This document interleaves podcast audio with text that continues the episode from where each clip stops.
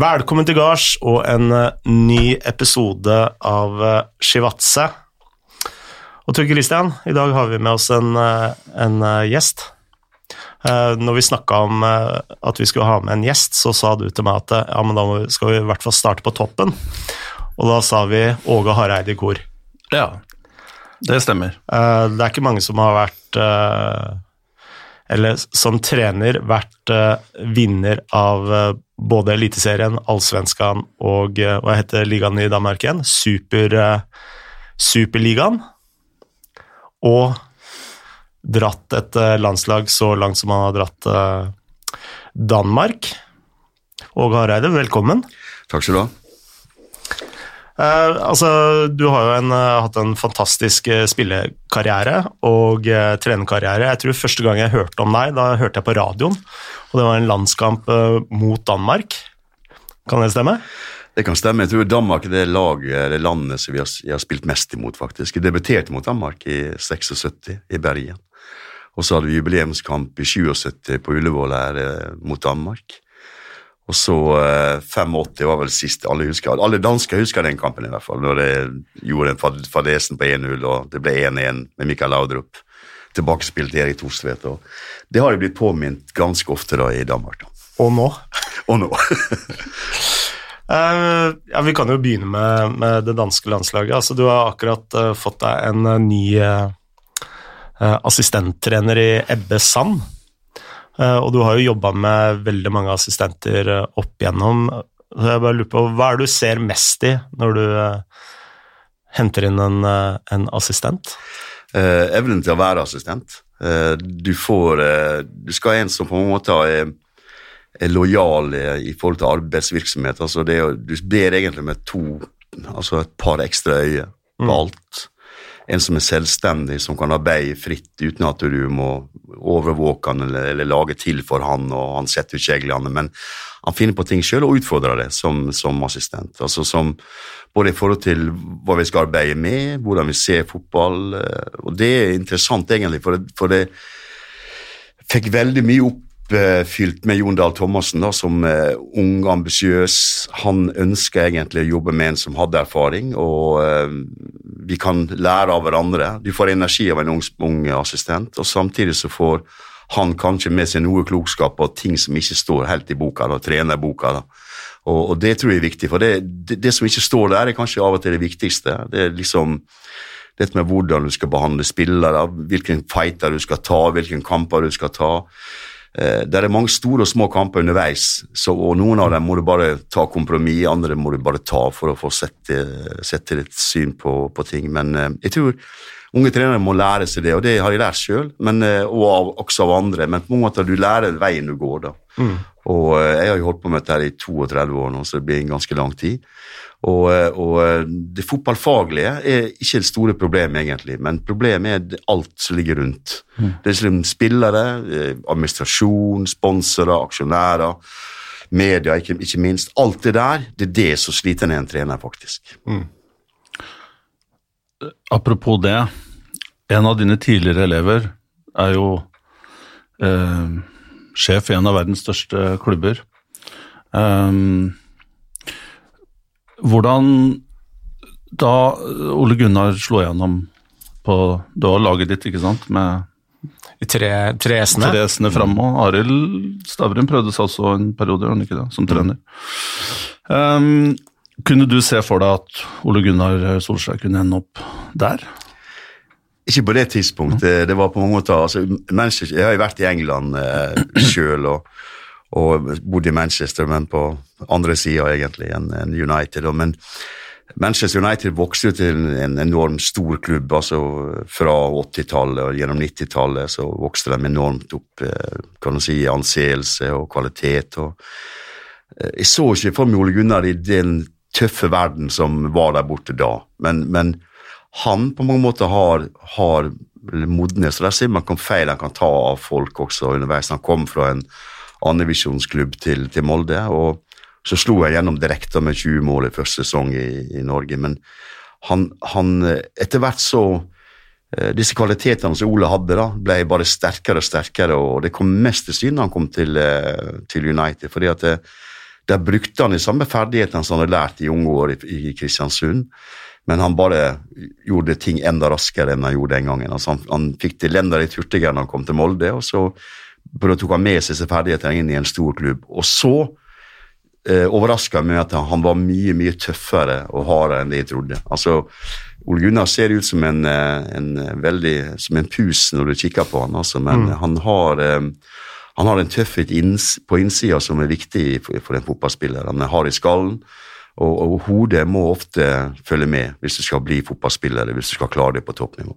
Tror du det er noe som er tillært, eller, eller er du på en måte litt sånn uh, medfødt som nevner f.eks. din uh, periode i England uh, Dette veit jeg jo ingenting om, men sånn sett fra mitt ståsted så ser det ut som at det du lærte i England, på en måte, den der eh, litt tøffe fotballkulturen, er noe du har hatt eh, nytte av senere som uh, trener, med tanke på altså, Sverige, Danmark og Norge er jo ikke så ulikt, men samtidig så er det jo ulike fotballkulturer på en måte uansett. Ja, Det er jo det, det at du kommer til et annet land, det er vanskelig i seg selv. da. Altså Selv om du reiser til Sverige mm. og du er nordmann og skal du lykkes, da får du en litt hardere vei enn en svenske. Og Reiser du til Danmark, får du i hvert fall en hardere vei enn en, en danske. Det skal ja. jeg love deg. Og, og det, det, det, det, er imponerende det som Ståle har gjort i FC, FCK. Det han har gjort der, med det arbeidet han har gjort der, det gjennomslaget han har fått. Og, så viser det seg det at de får respekt for folk som vinner. De får respekt for folk som klarer noe. Det aksepteres overalt i hele verden, egentlig. Men før du kommer inn i et land og kommer utenfra, så har du en vanskeligere vei. Uansett. Mm. Og Det er selv for dem som svenskene som kommer til Norge og, og, skal trene her. og det. De blir liksom sett på som ok, nå skal vi se hva han kan, kan gjøre. Så har ikke vi de samme folka i Norge, osv. Men, men jeg, tror, jeg tror dette med det som du var inne på først, dette med å lære sin kultur altså Fotball er på mange måter så det er vanskelig sammensatt. da. Det, er liksom, det holder ikke bare å være en, en, fotballspiller med god teknikk og akseptabel fysikk. Du skal være smart taktisk, du skal klare deg taktisk, og ikke minst klare deg kan du si, det, på det som foregår utenfor banen. Det er det som foregår i garderoben. Skal du klare det der også. Mm. Du må bli akseptert i garderoben. Du må bli én av gutta, mm. ellers har du ingen sjanse. Og det kan være vanskelig i seg selv, altså spesielt når du kommer til store klubber som Manchester United. og det, det, Der var jeg veldig imponert over Ole Gunnar. Altså han, men han overbeviste dem med den kvaliteten han hadde, den presisjonen i skudd. Han kunne ta med seg 20 baller etter hver trening. Mm. Satte opp markørene med stolpene, skjøt ti med venstre ti med høyre, uten keeper. Bare presisjon. Veldig systematisk? Eh, veldig systematisk. Skrev ned alle treningene våre. Og når jeg ringte han når han var litt, sånn, litt nede i, uh, i, Manchester, så ringte jeg av og til til han og snakka litt med han om hva gjorde vi når, vi, når du var nede hjemme her, hva, hvordan arbeider vi da? Jeg, for det er noe galt med steget ditt. Jeg, kunne, jeg, kjente han så godt jeg kunne se han, jeg hadde så mye mer han gjør. Og, og, og vi trente veldig mye hurtighetstrening den gangen i 95. og hvis han han kommer over til en klubb eh, på et enda høyere nivå med enda tøffere kamper, så sliter på en, på en ung kropp da, mm. som ikke er vant med det. Nei. Og det er klart Tilvenninga er viktig, og du klarer den fysisk og mentalt. Og, og, Det er begge deler. at Du skal ut av landet, du skal lære en annen kultur å kjenne, og du skal slå igjennom og hevde det. for å bli... Eh, så, så alle som klarer seg ute i verden eh, som fotballspillere, det er egentlig gode prestasjoner for alle sammen. For det, det, det er litt annerledes med en en skiløper skifter ikke klubb, vet du. Han, han går hjemme i Norge hele tida og er i trygge omgivelser hele tida. Mm. Og, og, de fleste andre vinteridretter skifter du aldri. På sommeridretter Fotball er det mest krevende fordi at det, du skal skifte miljø, du skal hevde det i andre land, mm. som er vanskelig. Store fotballnasjoner som altså, de ser ikke Norges vei engang de, de nasjonene der. Og, og, så kommer det kanskje en nordmann inn og skal, skal hevde seg på laget. Og det å klare seg da, det er en god prestasjon. Du ser vi har Ødegaard nå i Spania. Det er flott arbeid at han klarer seg. Eh, vi har eh, fremdeles lovende spillere i Norge. Eh, I Haaland som kommer til Dortmunds topp, toppklubb. Mm. Vi har en gutt nede i Genk, Sander Berge. Vi har Joshua King i England, som også er en kjempelovende spiller. Så, så de er med der, altså. Så det, så det, men vi har ikke mange av dem, vi, da. Nei. Fordi at det, eh, vi er et litt sånn Vi er et langt land med, med mye vær, og, og, og, kan du si at, og, og da må vi på en måte gripe de topp, toppspillerne vi får, og holde fast i dem, slik at vi kan skape et landslag, og det ser lovende ut, syns jeg. Så den uh, psykologiske biten, uh, tenker du den er altfor underkommunisert eh, Ja, med, ta med tanke på hva som faktisk gjør en spiller suksessfull, eller trener for den saks skyld? du kan si at I treningslæren si at hvis du får en ung gutt inn Jeg, jeg har jo trent U16-landslag til Norge også, og det var en kjempestor læring for meg. Og det hadde jo en, Jeg hadde jo den fremtidige kapteinen der, da, men det visste vi ikke da, selvfølgelig. Martin Andresen ble jo kaptein, men jeg hadde jo han inne. Og jeg hadde Fredrik Dos Santos der, vi hadde Torstein Helstad der. Vi hadde mange spennende spillere, og mange spillere som vi har brukt på landslaget etterpå, var inne og spilte på det landslaget der. Og det, og så var det mange som du aldri hørte noe mer om. Altså Det var en spiller for eksempel, som, som jeg tok ut på første landslagstroppa. og Foran neste samling så ringte mora til meg, og så sier du at eh, han skal ikke bli fotballspiller, han skal bli lege. Ok, da var det slutt på å ta ut han. Jeg fikk beskjed hjemmefra også. Så, så, men det var jo sånn. Og, og, men det som ikke står i bøkene, her, det er liksom hvordan du skal håndtere en 16-åring kontra en 30-åring. Det er sånn Treningslæren kan du si, blir, bli litt av det samme, men behandlinga er selvfølgelig forskjellig. Og, og, og det er så viktig. Det er dette med den individuelle behandlinga av hver enkelt spiller. Det ser jeg nå også med topp stjerner som Christian Eriksen og Kasper Schmeichel. Kan ikke behandles likt, de. Nei. Altså, En står i mål, andre er jo eh, en, en magisk spiller ute på banen. og Da må du pleie dem, for det er det verdt, for, å, for å få dem topp, topp mentalt på topp. Altså, Treninga gjør dem i klubbene, men når de har dem inne, så må må få dem til å, å like det vi holder på med. Det er punkt én. Og det går over alt, om det er 16-åringer eller 30-åringer. De må like det de holder på med. De må elske å spille fotball, og ha det kjekt når de spiller fotball, det kjekt når de trener. Det, vi har det kjekt for at vi skal ut og spille på store arenaer og ha det kjempekjekt. Og, og det er bare noen få mennesker som får lov til å gjøre det. Og, og, og det, Jeg tenkte ofte på det på, på, under VM, når vi kom, kom tilbake til, til Moskva og skulle spille mot Kroatia der. At det, det, og Jeg sa det til spillerne også, det er bare noen få som får sjansen til å gjøre. Å spille en, en åttendelsfinale i et verdensmesterskap, så må vi nyte det og bruke det for det det er verdt. Og det er største driven for Christian Eriksen, for eksempel, er største driven om å like hvert sekund på treningsbanen. Ingen tvil om. Og Kasper også, han, han, han står i mål, vi skyter han nesten ned på, på treningene. Han elsker å stå i mål. Og, og han, han kjeder livet av seg når vi skal drive angrepstrening på andre enden av banen i shadow. Da sitter han nesten, man legger, legger seg nesten ned og vil skrike. Men hvis du skyter han i senk, så elsker han det. Og det, det er jo sånne typer du vil ha på laget, altså, som elsker å spille fotball, som liker å spille fotball uansett. At de ikke er lei av det altså. De kan ofte bli forbausa over, over engasjementet til Christian Eriksen. Førstemann ut, lage en eller annen triksekonkurranse. Sistemann inn må dra ned banen, han står og skyter og skyter og skyter på Kasper Schmeichel, så du må dra begge to av banen. Og det er et kjempeproblem hver gang vi får én tilmålt time på Internas dagen før på stadion. Får vi én time av Uefa eller Fifa, og vi går over hver gang og får kjeft. Og det er de to som har skyld i det. Brede Skistad uh, sa jo alltid at det mest urettferdige du kan gjøre, er å behandle alle likt. Så Jeg lurer på gjennom karrieren din, eh, Åge, om det er andre som du har tenkt altså Jeg husker Alex Ferguson sa noe sånt som at det var to eh, tidligere spillere som han trakk fram, som han så et stort managerpotensial i. Det ene var i hvert fall Patrice Evra.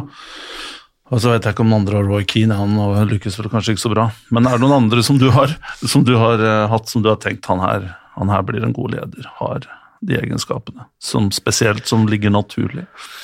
Ja, altså det Det begynner å bli en del uh, underveis da, som du har vært, uh, vært borti som altså Den siste er jo egentlig uh, før, før, før dansk, jeg tror danske landslaget, er jo Markus Rosenberg i, i, i Malmö. da. Han er jo en sånn et ideal egentlig på alle mulige måter, som har vært ute, spilt i Ajax og Verde Bremen, Sociedad, West Bromwich og så hjem til Malmö. Men han har alle disse her egenskapene. Så det, det er veldig sammensatt det med trenerskikkelsen. da. Du har trenere som er veldig gode på feltet, og så er de ikke så glad i kampen. For det, da kommer presset, og, og det spørs spørsmål hvilken rolle du skal egentlig ha. da. Så det er noen som elsker kampen, og, og, og kanskje ikke legger så mye vekt i, i treninga. Og så har du dette med, med kommunikasjonen rundt seg. da. Og disse her som, som er flinke med folk, er viktig å ta med seg. Og det, og dem, og det kan du faktisk se i en garderobe. Du ser spillere som er flinke med folk rundt seg, som er aktive, som, som vil delta, som forstår at det lag er det viktigste, eh, ikke, ikke, selv. I dag, vet du, så i den moderne verden som vi er kommet til nå, der vi slutter å snakke med hverandre, men bare kommuniserer via mail og SMS, mm. så er dette med fotballen, opplæringa til de unge, enda viktigere. For det, det du lærer deg, det å forstå at det er folk, det er folk rundt deg, og at det, folk er viktige for deg. Altså Både mm. lagkamerater og stab og alle som legger ting til rette for deg. Og Det er viktig å lære seg, at han lever ikke i en verden der en er alene med en skjerm. Altså Han lever i en verden der det er masse folk rundt deg, og du skal, som du skal snakke med, kommunisere med, ta de av, passe på, ta ansvar osv. Så, videre. så idretten er en fantastisk tumleplass for å lære relasjonelle ferdigheter som vi mennesker trenger mer enn noe annet for at det skal bli fred i verden ellers blir det helvete til slutt. Så Derfor er dette viktig, og fotballen har en oppdragende kan du si, eh, en oppdragende effekt på unge mennesker. Altså det at de forstår at hvis, vi er sammen om noe, så kan vi vinne noe. Og det å lære dette fra bunnen av er viktig.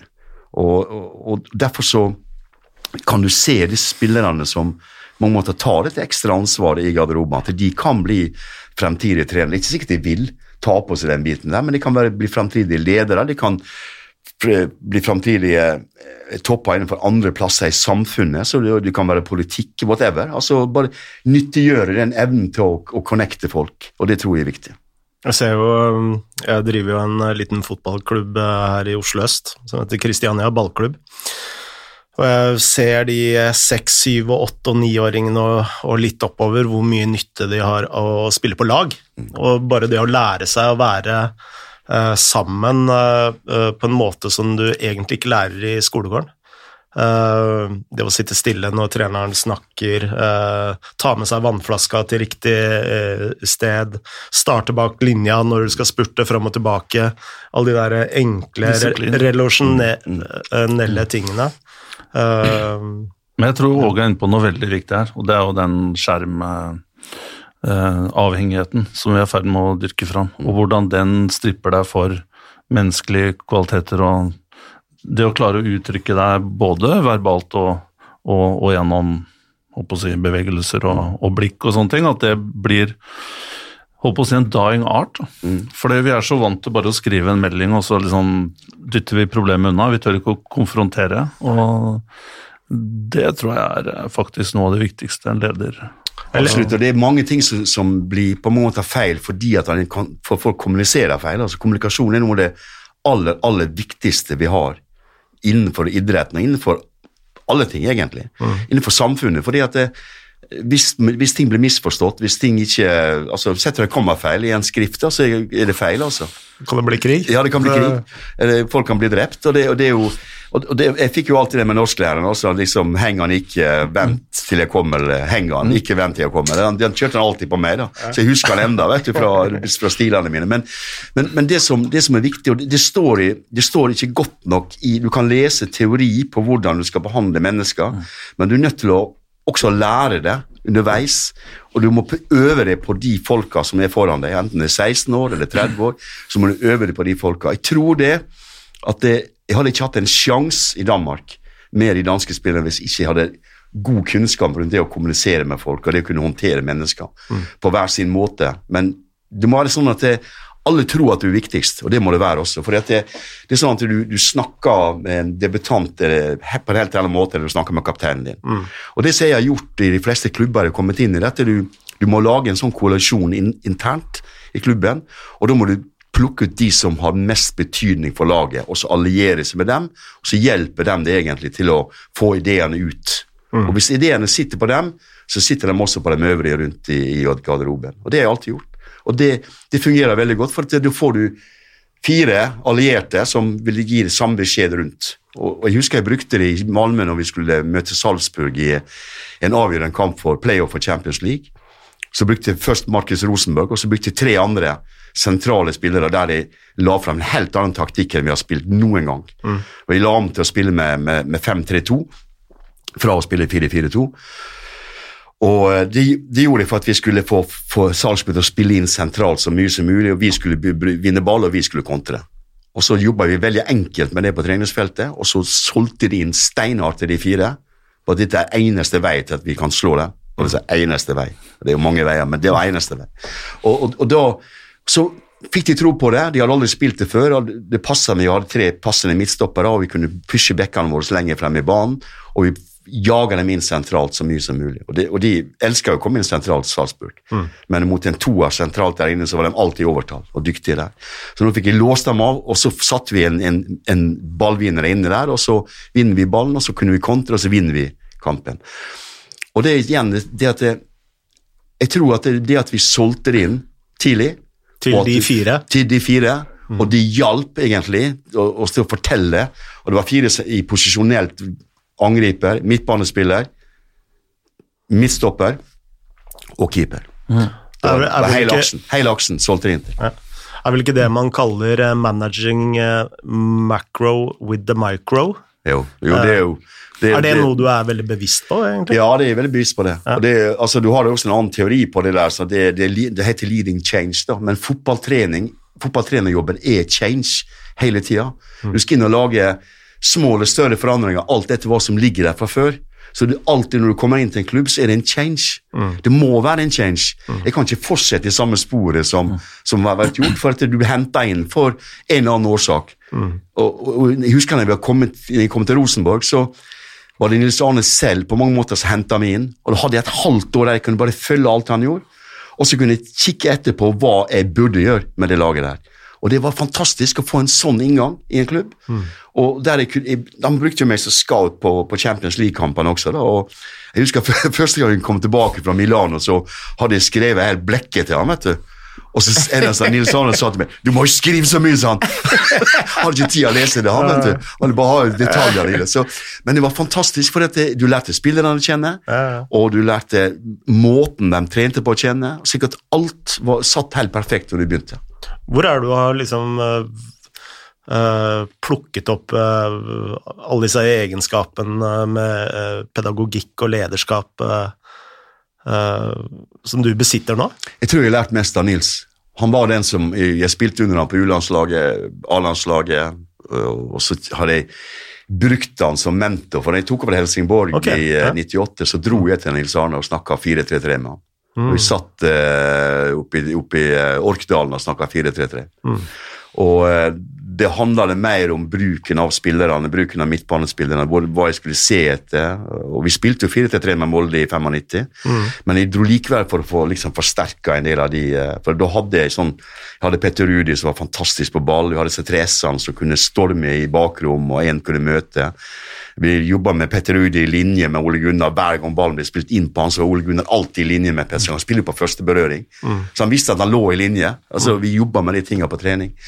Eh, Hvordan bekkene skulle være posisjonert. Og, og, og det, det var bare, egentlig bare for å få kartet enda sterkere. Altså, når jeg dro opp til Nils og snakka med han. da. Var han også en sånn inspirasjonskilde til å organisere angrep? Fordi sånn, sånn jeg ser på det, så i hvert fall på 90-tallet så var det liksom to typer trenere. Altså du hadde litt den Alex Ferguson skolen hvor eh, det var spillernes eh, egen kreativitet som skulle skape angrepene, og så hadde du Nils Arne Eggen-skolen på Og så har du Drillo, så er det Drillo som Ja, på en måte var super på organisering defensivt. Og hadde den gjengjengen. Altså, Egil var egentlig foran sin tid, han. På mange måter. Det var ikke alle som forsto, men jeg tror, jeg tror at han på mange måter han provoserte litt ved å, å, å si ting, satte ting på spissen helt bevisst. Men han var fantastisk til å organisere laget defensivt, og dette med å vinne igjen ballen det ble ofte misforstått når jeg sa at gi motstander ballen, skal vi bare vinne igjen, og så skal vi avkappe. Det er jo det som skjer i dag. De beste lagene i dag må gjøre det, for dette lagene er så godt organisert at den der gjenvinningsfasen, Klopp, Liverpool, den er viktig for fotballen. Og det er fotballens utvikling som har kommet her. Du, du, vanskelig, du så United i går. De kan ikke bryte ned Burnley 4-4-2. For meg så, var, så Burnley ut som Irland altså når vi spiller mot Irland. Da. De bare står der, og de står i posisjonene sine. Helt ordinære spillere står i posisjonene, venter på å få en dødball, bom, så skal de skåre et mål, skape problemer. Og, og, og United klarte ikke. Altså, De blir ledet ut på kant, de, de blir pressa ut. Innleggsfotball, det håndterer de. Så, så de må ha mer innstegsfotball, og Vi har jobba veldig mye med Danmark for dette vi har spillere som Vi vil gjerne innimellom, og så vil vi vinne igjen ballen. Altså, vi, vi, vi trener på det på trening. Vi spiller jo ballen inn mellom kjedene, så vil si. Og hvis vi skal miste den der, gjør ingenting. Boom! Det skal storme og vinne igjen ballen. Og hvis ikke vi klarer å vinne igjen, da må vi hjem. Ned og stå. Så det er jo disse to disse forskjellige fasene da, i, i spillet, og det blir vanskeligere i dag å, liksom, å strømlinjeforme angrep, fordi at det, de står enda tettere og enda lavere enn noen gang. altså. Og analyserer uh, sterkere òg, sikkert. Gjør det. Analyserer rom, enkeltspiller. Rom, vi analyserer enkeltspiller, rettvendt, feilvendt. Vi analyserer rom som de bruker. Og når vi skal møte Belgia nå, så, så er det bare én mann jeg tenker på. Det er De Bruyne. altså. Jeg må bare få hånd på han, altså. Helst ha en sniper klar på tribunen. altså. Det, med, sånn, med sånn bedøvelsespil. Ikke giftpil, men bedøvelsespil. Det er interessant det du uh, sa innledningsvis der med, med smartness og psykologi. fordi når du så Manchester United mot uh, Burnley, og den uh, duellen Phil Jones går opp med Chris Wood på motsatt banehalvdel, og du, du, så på hele ansiktsuttrykket at dette var noe han hadde fått beskjed om. Mm. Uh, av trenerne sine uh, før kampen. At lag ikke unødvendige frispark, og så gjør han det, og så yeah. er jo det de taper. Uh, de, de der små detaljene som handler om smartness og De blir så. mindre og mindre, altså. Det, og det, det er faktisk på evaluering etter VM, da, så, så um, kalte jo van Basten Danmark og Sverige for altså at vi spilte håndballforsvar. da. At vi, vi, to, vi, tar ned kantene. Vi gjorde det mot Frankrike. Mm -hmm. vi, vi tok ned kantene våre utapå en firer. da. Og så når vi møtte Atletico Madrid med Malmö, så, så kikka jeg veldig nøye på hva Simione hadde gjort. og Vi, vi, spilte veldig godt mot dem hjemme i Malmö. Vi kom, fikk ikke skutt gjennom dem, for å si det sånn. For de tar jo faen meg fireren sin inn i målet, jo. Mm. Og de bare skviser sammen som et trekkspill. Så står de innenfor stolpene, sju meter bredt forsvar, mm. og så er de kantene nede på yttersida. Der sto de. Mm. Og når vi hadde ballen ut, så sto de faen inne i målet. Vi skjøt, hvis vi skjøt på, på, målet, så fikk vi ikke ballen forbi den firen. Det var helt åndssvakt å se på hvordan han spilte forsvar. Jeg har sett en trening med Diego Simone hvor eh, når keeperen går ut, så trener de på at uh, midtstopperne går bak keeperen. Godin hadde én redning på streken i Malmö. Da var han bak keeper. Så, så, det stemmer, det, altså. Det er helt vanvittig. Gå rett inn i målet. Stille seg i målet. Men, men det, altså, det, det, er det som er fascinerende når du ser de store lagene, at de, de har sterke, altså gode individuelle spillere, selvsagt, men det er også en, en, en måte å arbeide på, både offensivt og defensivt, som er godt innarbeidet. Altså. Mm. noen lag er veldig avhengig av individet, og du kan se United i går, med eller uten Rashford så er de en, et helt annet lag. Mm. For Rashford har denne gjennombruddsstyrken som du har. mål. Og du må, hvis du skal vinne noe eller få til noe, så må du ha en god spiss Nesten alltid. Mm. Men før så kunne du på en måte være en slags sånn trener som hadde én trademark.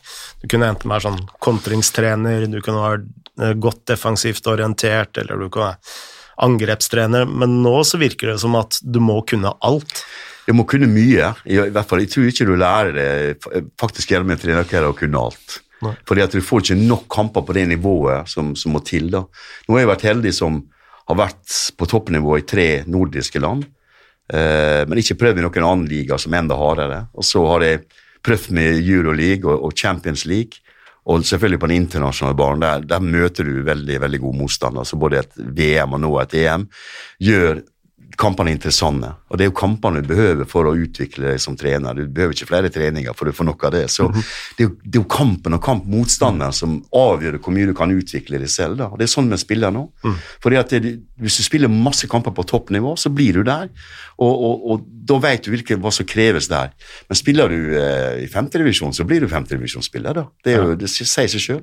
Merker du sånn når du spiller Champions League eller eh, VM f.eks at uh, du møter trenere som er skarpere, skarpere taktisk, uh, at du må gjøre flere mottrekk eller uh, ta høyde for flere ting enn det du ville ha gjort i Eliteserien f.eks.? Ja, men de har større erfaring på, på det nivået. Altså. Det også handler om kvaliteten du møter. Det, og det, det er jo liksom med, med, Hvis du møter Frankrike, så møter du Deschamps, som allerede er verdensmester, og, mm. og, både som spiller og trener. Så, så da har du vært på det høyeste nivået. Og, og, det er klart han er dyktig, han er flink med det, med det han holder på med. og det, det, For han har lært, han har lært blant annet, Ikke bare at han har hatt masse kamper, men han har jo også vunnet den aller største trofeet i tillegg. da, så Det, det, det henger litt i hop. da, og det er klart, Du kan jo alltid si at det, når du spilte Champions League med Malmö, så var du litt sånn misunnelig for at det andre trenere som steike gode spillere. Så må du kompensere alt du kunne. men men det var bare interessant å se hvordan våre spillere vokste når de møter Juventus hjemme, eller Real Madrid eller, eller, eller Atletico Madrid. Paris Saint-Germain. De, de, vokser på, de vokser med anledningene. De kan. Det er så stor anledning både for fans og for spillere at de, de vokser med det. Mm. Du får dette ekstra lille hakket opp. Altså, Jeg opplevde jo å dra fra Koppervallen i Åtvidaberg til, eh, til Paris. altså. Det var en kjempeforskjell på spillerne sin innstilling da, i de to kampene der. Da. Jeg husker jeg så eh, U21-landskap mellom Norge og England. Og da spilte Jordan Henderson og Flamur Kastrati. Så husker jeg Flamur Kastrati saksa Jordan Henderson, og det ble noen munnhuggere med Stuart Pearce eh, eh, på kanten der, og Flamur Kastrati ga den obligatoriske fuck eh, off, da. Og jeg, jeg var kjempeimponert og elska Flamur Kastrati. Eh, etter det, Men uh, hvis du ser karrierene til Jordan Henderson og Flamu Kastrati, så de har jo ikke uh, Altså I den kampen så ville jeg jo nesten tro at Flamer var mannen som skulle ende opp i, mm. i Men der ser du hvor mye den der treningshverdagen og, og, matchinga har å si. da. Miljø og kultur. altså mm. For 20 år siden så sto jeg her i Oslo og så på, et, på U19-mesterskapet i EM. Jeg gikk her i Norge. Og um, der var Sveinsteiger med, ja. og så var Torres med. Uh, jeg lurer på om det ble Tyskland-Spania-finalen. Altså, jeg lurer på om det var det, Men jeg, vet, jeg husker Torres. da, Jeg var kjempeimponert over Torres. da, Og så Sveinsteiger. Og, uh, men så hadde England vet du, de, de, hadde masse sånne Jeg husker ikke navn på det engang, for det ble ingenting med dem. altså, Jeg snakka med treneren deres, han sa at de de allerede de, de, de blir fôra opp med penger, så de er allerede de, de er etablert. Det, det, er ikke noe mer å hente for disse folka der. sant? Det er ikke noe mer sult? Nei, det var ikke ingen mer sult. og De, var, de spilte i Arsenal, i store klubbene. Noen var kjempetalent. Eh, jeg kommer ikke på navnet på dem, altså, men det var noen som var veldig gode som spilte i Arsenal, som bare forsvant. Mm. Og, og det, det, Man skal passe på, for de må holde den gleden og sulten ved Med Må skru på den hele veien. altså. Alex Børgesen slutta i langtidskontrakten da han ble 30, altså. Da var det bare ettårskontrakter hele tiden. Ja. Og, og, eh, det handler litt om dette med altså, Jeg får en sånn følelse noen ganger at du, du hvis du, når du passerer 30, så må du ville det enda mer enn når du er 20. altså. Mm. Og Du skal ikke fòre på eller putte på folk penger for at de skal komme og spille. deg. Du må vise, det er både i trening og kamp, at det, du har lyst til å spille fotball. Du må like det. altså. Mm. Kort og godt. Hvis ikke du gjør det, da er det bare slutt. Hvordan er eh, Jeg er veldig nysgjerrig på Jeg har jobba i mange forskjellige land, men eh, ikke i Sverige og Danmark. Hvordan ser du på forskjellen mellom fotballkultur, spillermentaliteten til spillerne? Eh, jeg tror de fleste går ut fra at den er veldig lik, men du som har vært dypt inn i alle land, er den det? Er det vanskeligere å håndtere, eller er det forskjellig, da, håndtere norsk spiller kontra svensk, dansk? Ta de, ta de forskjellige landene først. for det, det, er litt interessant. Vi har, vi har spillere nå i, i, disse fem store landene i Europa. altså Italia, Frankrike, Spania, Tyskland og England. Og så har vi Belgia og Holland i tillegg. Så har vi Danmark sjøl, selv, selvfølgelig. Og så har vi i Sverige. Og så har vi hatt i Norge, i hvert fall. Når Mike Jensen og Bentner var innom landslaget når de var i Rosenborg. Så da hadde du egentlig hele kartet, europakartet foran deg. og så så reiste vi mye rundt, både for å se treninger og hva de jobba med, snakke med trenere og, og se kamper, selvfølgelig. Hvordan. Og så, så, får vi dem inn, og så snakker vi litt med dem inne. så, så er det, det, det, er veldig mye blanda drops. Og jeg må si det at jeg, jeg blir litt sånn overraska over litt sånn i, Fra de store landene, da, så er det også trenere der på mange måter som tar veldig lett på ting. Altså, du skulle tro, altså, Hva er forskjellen på mannsmarkering og sonemarkering. altså disse tingene. Spør du spillerne, så er de ikke helt sikre hva de gjør. Mm. De, de, det blir sånn kombinasjonsforsvar hele tida. Blir sånn, Noen ganger markerer noen ganger står de i mm. sone. Mm. Og det er, jo, det er, jo, fint det hvis de der trener på det og arbeider med det, men, men eh, jeg blir noen ganger litt overraska over, over um, gjennomføringa. Men så blir du også imponert over kvaliteten enkelte steder. Det vært, vi, vi, var i Sevilla en gang og så på en trening i Sevilla. Kjempeimponert over, over kvaliteten. og nøyaktigheten og gjennomføringa av, av treningsøkter der nede. Um, når det gjelder de nordiske landene, så er det en sånn gammel, inngrodd eh, kultur fra Danmark, Sverige, Norge. Altså, svenskene har Husk på svenskene, de, de spilte fotball under krigen.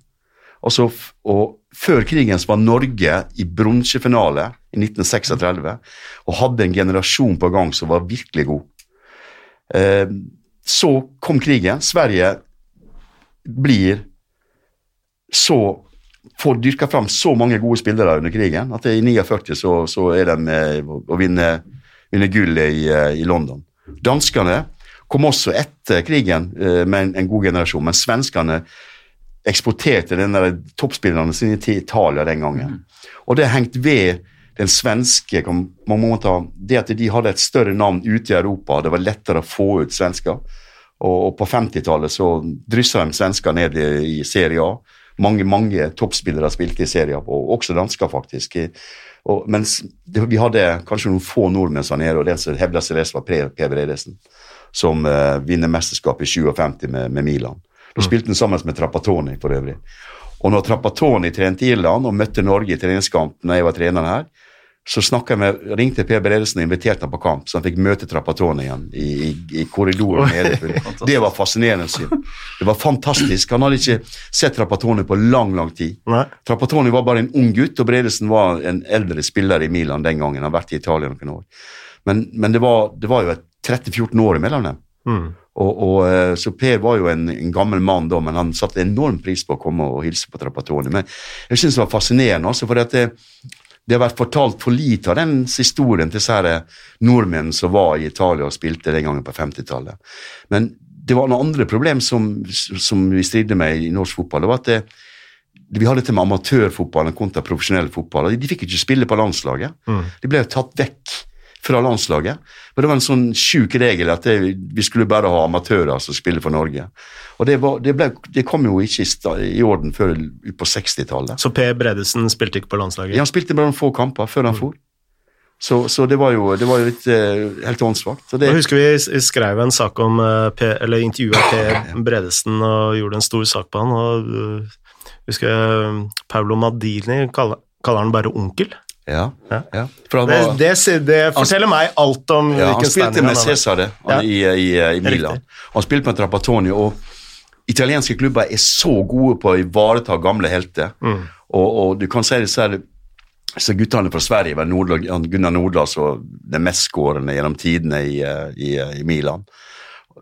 Altså, det blir jo eh, altså Sønnen hans blir jo dyrka når han kommer ned mm. til, til, Milano.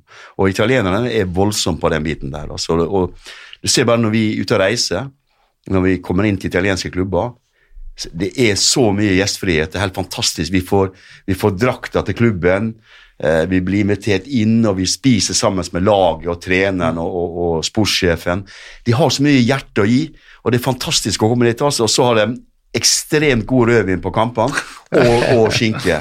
Og god skinke. Og det, da, blir det, da det hyggetur altså når vi skal på italiensk fotballkamp. Og jeg har allerede booka en Inter mot Milan. nå, for jeg, jeg håper at, vi, at, det, at, Inter kjøper Christian, og så, håper, så har jeg Simon Kjær i Milan. I Milan. Jeg husker eh, jeg var på sånn bokturné med Jon Arne Riise. Og da hadde det kommet eh, supportere helt fra Roma for ja. å oppleve bokturneren til Jon, Jon Arne Riise. Jeg var jo faktisk og besøkte henne i Roma. Jeg var besøkte både Jon Carew og, og Jon Arne i Roma når vi trente landslaget. Og det var jo samme igjen. Vi var ute på treningsanlegget der, og gjestfrihet og Det var jo Først var jo det eh, han, eh, han som hadde Jon, det var jo Capello. Mens eh, Jon Arne hadde Leicester-treneren. Ja, hadde Raneri og ja. og Spalletti. Ja, Raneri først, og så ja. Spalletti. Mm. Så jeg var der under faktisk begge to. da. Ja. For du har jobba med både Du med Ranieri. Begge, faktisk. Begge to? Ja. Dyktige, okay. dyktige mennesker.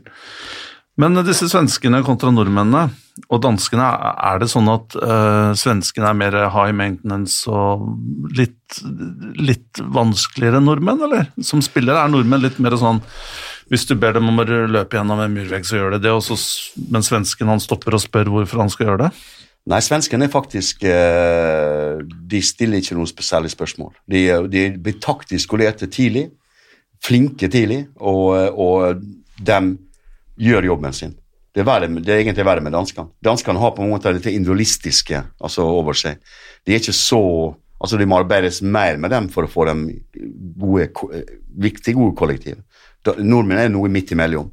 Og jeg, for jeg, nå er det slik at det, når det, De første generasjonene jeg trente med Molde, jeg begynte jo i 86 der var det sånn at du, da det hardcore. altså Du bare organiserte laget og så ba du om det. Det var liksom, var før jeg tok trenerutdannelsen. Så da tok jeg med alt det engelske at det bare ut, slå dem i hjel.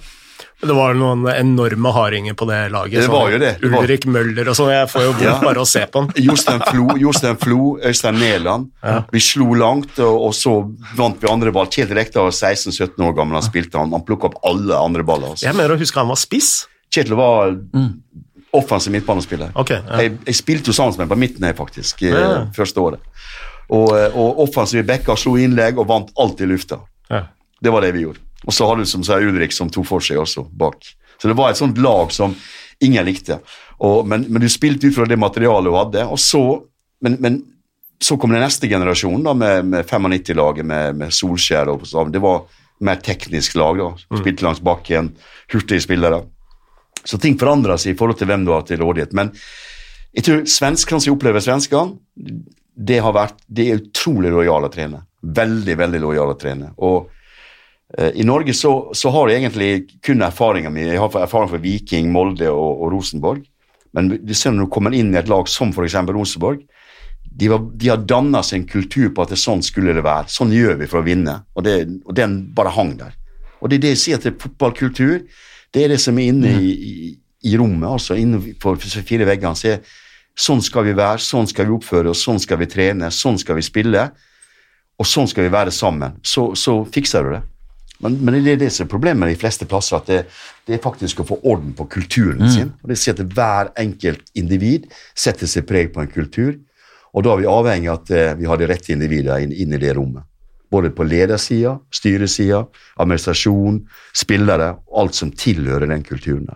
Og det er vanskelig. Det er vanskelig. Mm. For at det gamle såkalte seierskulturer kan være ødeleggende for den nye generasjonen eh, gamle meritter altså, som har vært sånn, sånn ti år imellom, det blir det snakka om fremdeles som det mest fantastiske som har skjedd i hele verden. Husk på at det, fotballkampene blir bedre og bedre til gamlere de blir. altså. Mm. Og spillerne blir bedre og bedre til lengre tid siden de spilte i fotballkamper. Så, så vi, har, eh, vi, har, en merkelig evne til å hause opp gamle, gamle prestasjoner som egentlig ikke var så veldig gode. Jeg skulle sett eh, meg i Enebakk idrettsforening i fjerdedivisjon. Det, det var ganske bra. Der hadde jeg talent. Bak, Mer kjent for skiløpere, kanskje, enn en, uh, fotball. Men um, dansker um, Bare nysgjerrig på jeg, jeg bare føler Dette er bare anecdotal evidence som herjer i hodet mitt, altså, men jeg, jeg, tror det stemmer at danske spillere gjør det alltid veldig bra i norsk fotball. Er det sånn at danske spillere liksom generelt, da, på nivået er bitte litt høyere på De har en annen opplæring enn oss, rett og slett. Og, så har de Danskene har noe som er viktig i fotball. De har stor tro på seg sjøl. Og, folk altså det er jo sånn at jeg, jeg husker jo oppdaget det første, første gang når vi var i playoff eh, mot Tsjekkia. Tsjekkia var vel eh, renka som nummer to i verden. Vi møtte dem i, i Oslo her først. Og, og eh, det var ingen i forbundet som, som sa at vi skulle til VM. Det var absolutt ingen. Nei. Og jeg, hadde, gikk rundt og kikka meg rundt og tenkte på her er det ingen som har tro på at vi skal klare dette. her, altså. Og det er ingen blant spillerne som sa det heller. Da, da, og den troen den er annerledes i Danmark. Og de har en helt annen selvtillit. da, og det på mange måter, Selvfølgelig skal jeg til VM. Altså, når vi kommer til, ja, Selvfølgelig skal jeg vinne. Det sa de også etter 0-0 i parken, før vi reiste til Dublin. Nei, vi skal ta dem der borte. Og alle fans de sa det samme. Vi tar dem der borte. Og det kommer 2500 over. og jeg vet Det var ikke så mange i Praha når vi spilte returkamp. Vi tapte bare 1-0, altså ett mål i Praha. Mm. Og så har vi sjansene. Både Steffen og Jon kunne ha skåra. Og de har verdens beste keeper i mål på det tidspunktet. Men det spiller ingen rolle i seg selv. Vi hadde de skapte mulighetene. Og, og, og, bare det at de bare det at de lot oss spille i ei sandkasse oppe på Ullevål her etter to cupfinaler i pøsende regnvær mm. og Det var mer sand enn gress på banen. Og André han sklei jo inn i den sandkassa på bakerste der. Den skåra det eneste målet han fikk. da. Mm. Men, men det, det, der det irriterer meg enda at vi ikke vi hadde mer tro på det, altså. Det banker mer tro. Men, men det har den, den, forskjellen. Og det er ikke bare nå, det skjedde litt seinere òg. Altså, vi mista troa i avgjørende øyeblikk. da. Det, det Senest mot, mot Ungarn. Ja. Senest mot Ungarn. Og, og, det er noe som har fulgt oss som en sånn mare, egentlig. altså. Egil klarte å skape troen. Han, sa han sa til og med til spillerne at de må ikke undervurdere England. altså liksom, uh, må ikke se ned på dem. Sånn. Og, det, og det, er liksom, det er liksom humoristisk sagt, men det, det viser at det, ved siden av å være dyktige spillere den gangen, så hadde de en enorm tro på at de kunne gjennomføre ting. Mm. Og det er viktig i fotball. Tror du det var viktigere enn innføringen av 4-5-1, eh, ligge lavt i sone, gjenvinning? Altså, tror, det, tror, den pedagogiske delen av det, ikke undervurder England. Nei, men jeg tror det som Egil gjorde jo ting i riktig rekkefølge. Altså han, han, skapte Han, han laga en god organisasjon av laget mm. som spillerne fikk tro på, som ga resultat, og så er det forsterkende hele veien. Ja. Altså, Måten vi gjør det på, det gir oss resultat. Vi vinner kamper, vi kvalifiseres til VM. Og det, og det, det, det tror jeg det, er den rette veien å, å gå. altså. Og det, de ga resultat. Så det var kanskje ikke en tilfeldighet at uh, Thomas Myhre gjør uh, Nei. to keepertabber Nei. som koster oss et Altså, det er Det ligger i bakhuet fra Altså, ja, fra, fra, kulturen, da, som kulturen, du snakker om. Ja, kulturen. Og det er jo den viktige liksom at det skal vi Og da har vi i lang tid Husker jeg snakka med Nils Johan om det. altså Vi har lang tid slitt med keepere for en periode. Altså, Vi hadde jo ikke keeper en periode. Det var, de, var unge, de var lovende unge, men de var ikke stabile nok da på, på det nivået som vi ønska. Altså, vi, vi, har jo vært en keepernasjon. Vi har hatt Erik Thorstvedt, som jeg spilte med. Han var Fantastisk keeper. Sannsynligvis den beste. altså Tippen, må, tippen er dårligere enn Erik Thorstvedt, altså. Mm. Tror jeg, da. Og, og, og, så hadde vi Frode Grodås som var en habil keeper. Og det, det, det, har jo vokst frem igjen. altså Rune eh, har jo blitt en god keeper nå gjennom spill i ja. Bundesligaen. Ja. Blitt en veldig habil keeper. Så, så, så ting har jo endra seg, men, men, av og til så av og til så har du mye av noe. Sånn som i en nasjon som Norge, så hadde vi en periode fantastiske midtstoppere på høyt nivå i Europa. Mm. Med Rune Bratseth og Henning Berg og Ronny Johnsen, den, den, de gutta der. Og, og også senere Brede, som spilte den posisjonen. Brede Angeland. Premier League-spiller så har du eh, for lite av noe annet. Altså, når jeg hadde landslag, så hadde jeg en følelse at jeg, jeg hadde jo Ole Gunnar litt fordi han var, hadde skadeproblematikk, men han var med i en del kamper. Jon og Steffen var gode. Gamsen spilte i Premier League etter hvert.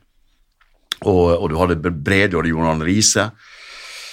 Skulle egentlig, egentlig klart det, å komme oss inn i et, et, et sluttspill med, med, de gutta der. Vi skulle det. Men jeg vet ikke, jeg tror igjen det at det, vi hadde ikke nok tro på det. Jeg tror det. Mangla kanskje én sånn uh, spiller i garderoben som ja. uh... Kanskje, ja. Hadde Martin som uh, Men Martin var skadet i den avgjørende kampen mot Tyrkia, og jeg gjorde nok en feil. Altså, den gangen når jeg ser det i ettertid, så gjorde jeg nok en feil ved å bruke Tetti, for at Tetti var ung. Mm. Han hadde spilt en kjempekamp i Valencia for Rosenborg i den mesterligaen. De vant der nede. Og så hadde Vidar Iseth, som egentlig var midtstopper, men spilte defensiv midt på, på Lillestrøm. da. Jeg skulle brukt han inn i, som, som sweeper foran Forsvaret. Mm. Og bare putte han inn på 1-0. Når vi kom oss foran, skulle bare tatt av Tetti. Men jeg syns faktisk det var brutalt å nappe av en sånn unggutt som Har gjort det så bra. Ja, det så bra. Og det, var vel et, eh, et, slags sånn krav i pressen òg? Det var nok at vi skulle bruke Tetti ja. og, og, og, utvikle Tetti, og det, det var jo helt naturlig.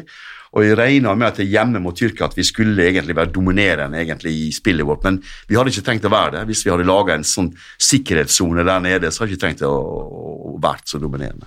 Åssen er det man eh, reiser seg etter en eh, sånn, eh, sånn skuffelse? Altså, du har jo hatt et par skuffelser i fotballkarrieren din, og så har du gått ut av fotballen, og så har vi som har stått utenfor, trodd at nå nå, nå, blir du pensjonist, og så kommer du tilbake, og så plutselig dominerer du uh, Champions League, og ingen Hva i alle dager er dette her? Og så plutselig tar du Danmark?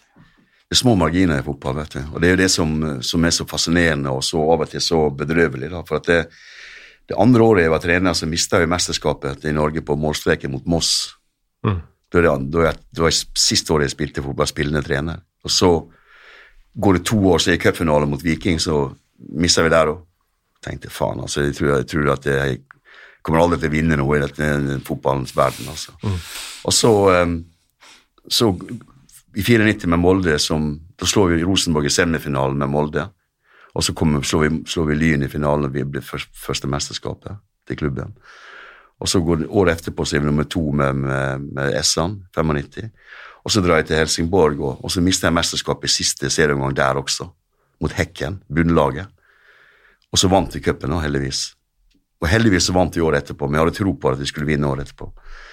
Eh, Da også, I 98 tenkte jeg at det, det er et eller annet galt med meg altså, i avgjørende kamper, så jeg må prøve å finne ut av det sjøl uten, uten å si det til noen.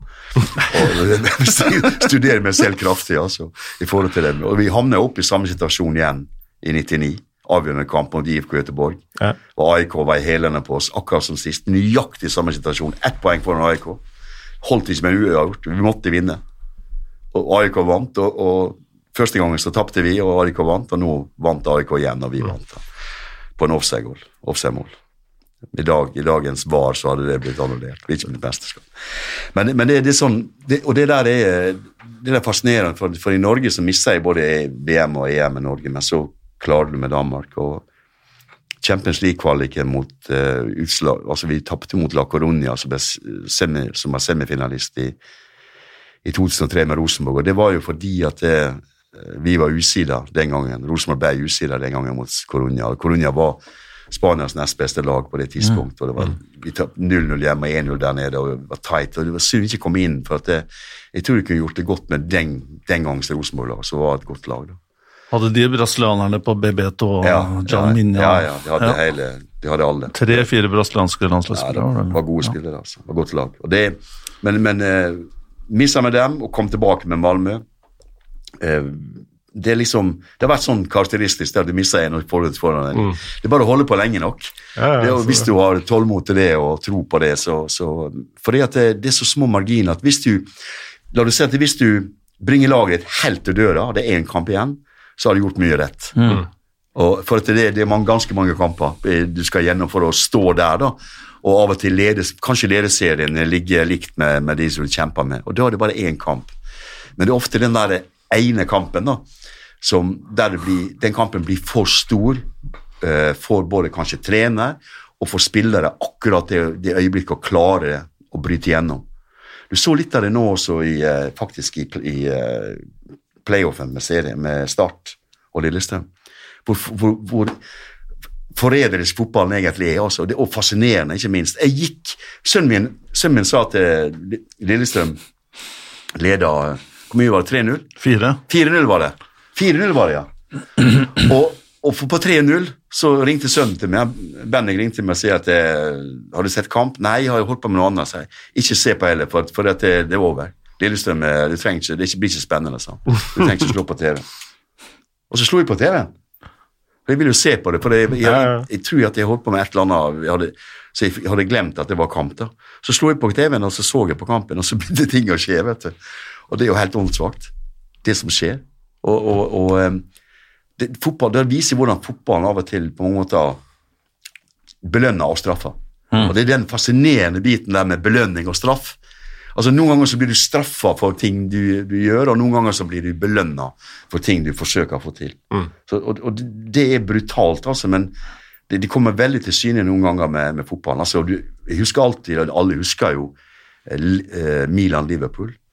Ja. Og jeg hadde jo Jon Dahl som assistent. og, og det var sånn, hver gang for, for å få han Han var sjelden i dårlig humør, altså, men jeg, jeg begynner å snakke om den der finalen, blir han i dårlig humør. en så, så, så, men, men det var bare at jeg, jeg vil gjerne, jeg var nysgjerrig vite hva, hva er det som skjer, hva som skjer, hva skjedde med dere fra å sitte i garderoben. Mange, vet, mange sagt at de hørte Liverpool-fansen synge og You Never Walk Alone, og, og at uh, treneren åpna døra og alt det der. liksom.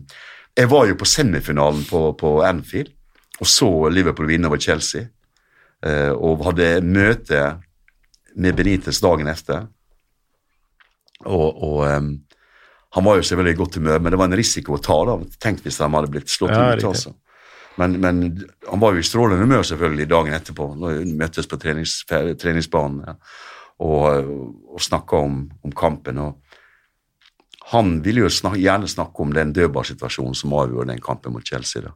Mm. For han likte godt dødball. da. Mm. Og, og det var jo det som var avgjørende. Så det var jo viktig å skryte av dødballen for å få han i godt humør. Enda, enda bedre humør. Men, men, men det, det, igjen, små, små marginer som, som avgjør eh, store kamper. Men eh, fant du ut eh, noe av hva du hadde gjort feil i den analysen, eller var konklusjonen bare at det var bare så små marginer? Den hovedkonklusjonen på, på, på min feil var det at eh, jeg selv bygde opp kampen for mye. Mm. Det er én av mange. Men så blir han så veldig avgjørende, så blir du revet med. Mm. Og, og, jeg er en sånn følelsesmenneske. Jeg tror det vistes veldig mye på meg. Jeg blir flinkere til å skjule det at det er en viktig kamp nå enn jeg var før. Ja. Jeg er mye roligere, liksom, men ikke så intens da i forhold til da liksom eh, bygde du selv opp som om du skulle spille selv. Altså, og, liksom, og det tror jeg spillerne ble for men, men samtidig så er vel det en av dine styrker òg, altså at du er et uh, følelsesmenneske. At uh, spillerne ser at dette betyr noe for deg. Uh, jeg husker når du tok over landslaget og, og dette ordet stake gikk jo Men jeg skjønte veldig godt hva du mente, at her skal vi ha attitude. Mm. For fram til da så var norske landslaget mye mer sånn analytisk, kan mm. man kalle det det. Mm. Uh, og det å få litt mer passion. Og jeg, når du uh, uh, forteller at det, det kanskje mangla litt kultur så Når du nevnte det, så tenkte jeg var jo kanskje det du prøvde å innføre i, ja. i landslaget. Litt kultur, da. Mm. Og det er jo noe du har snakka veldig mye om, Tor Christian, når jeg, altså, når jeg har vært redaktør. da. Så det som er mest interessant å, å skrive om, da, det er sånne taktiske ting og forskning og, og sånn, mens du forteller meg da tilbake at ja, det er fint og greit, men det er egentlig bare en sånn biting. Det har kanskje ikke så Altså, det viktigste er jo å ha engasjement i garderoben, og når du forteller om at uh, italienske trenere ofte vil ha noen spillere fra Balkan for å få opp temperaturen og ja. de tingene der, da. Ja. Som ikke er så lett å, å skrive om. Eh, Nei, men det er sånn, det står ingen plass til. Mm, altså, det, jeg har jo en, jeg en svigersønn nå som, som um, har trent treff i en del år. Og nå skal han trene Spjelkavik. Han vil uh, han kjøre over fjellet fra Molde til å trene. Han er lærer i Molde. Da. Og han, han, snakker italiensk, og han skriver italiensk. Og han, han skriver etter italienske eh, fotballbøker, lærebøker. Mm. Og i, i, Italia så er bøkene kobla opp mot systemet du spiller. Så øvelsesutvalget er kobla opp mot systemet. Det var fascinerende. også. Og Jeg sitter med Magnus og snakker om fotball, så ser på disse bøkene. Han hadde med seg en på, på, vi var på ferie sammen nå i jula her, og hadde med seg 352-boken. Mm. Så, så, ser du øvelsene som dratt ut her. Italienerne er, er, fascinerende på det. Og de har på mange måter eh, litt altså Jeg snakka med Jon Dahl Thomassen om disse åra i Milan. Han sier at det, der er liksom Snakk om attitude, snakk om å lære, snakk om å ære i å spille 0-0. Hvis mm. vi ikke kan skape noe den veien, skal en i hvert fall ikke få noe den veien her. Da er 0-0 et hederresultat for den defensive delen av spillet. Da har vi gjort det rett, i alle fall. Og så vet man, så sier alle at det offensive er det vanskeligste, men ofte så ser man på, på ferdighetene til den enkelte italienske spillerne, hvor fantastisk det først er når de først får slippe løs av den eh, det grepet som de fleste lag holder rundt i, så er de utrolig dyktige altså, i selve avslutningsfase. De, de, har, en, de har en, en, på mange måter en litt annen sånn Det er en annen dydsmønster når, når det er snakk om kvaliteten, altså. Ja, og de har kanskje en del sånne andre kvaliteter du f.eks. ikke ser i England. Den der taktiske smart nesten. Da. Det er ikke ofte du ser midtstoppere i Juventus uh, gjør sånne hodeløse taklinger som Phil Jones Nei, mot, riktig, mot, Burnley. Uh, sånne ting som uh, Og kanskje det italienske publikummet også er mer skolert da, og setter mer pris på taktiske, smarte trenere ja. og taktiske, smarte Jeg husker jeg besøkte Coversanio, og der har de jo et sånn bibliotek hvor alle trenerne har skrevet bøker om eh, formasjoner og sånn. Jeg bare husker, han, jeg husker ikke hva han het, men han var en av lederne i Coversania. Og humoren hans da, var når han eh, dro fram eh, Antonio Conte, som hadde skrevet en bok om 4-3-2-1. Nei, så morsomt, dette, for han har jo aldri spilt 4-2-3-1, og så holdt han på å le seg kvakk i hjel. Uh, så, ja.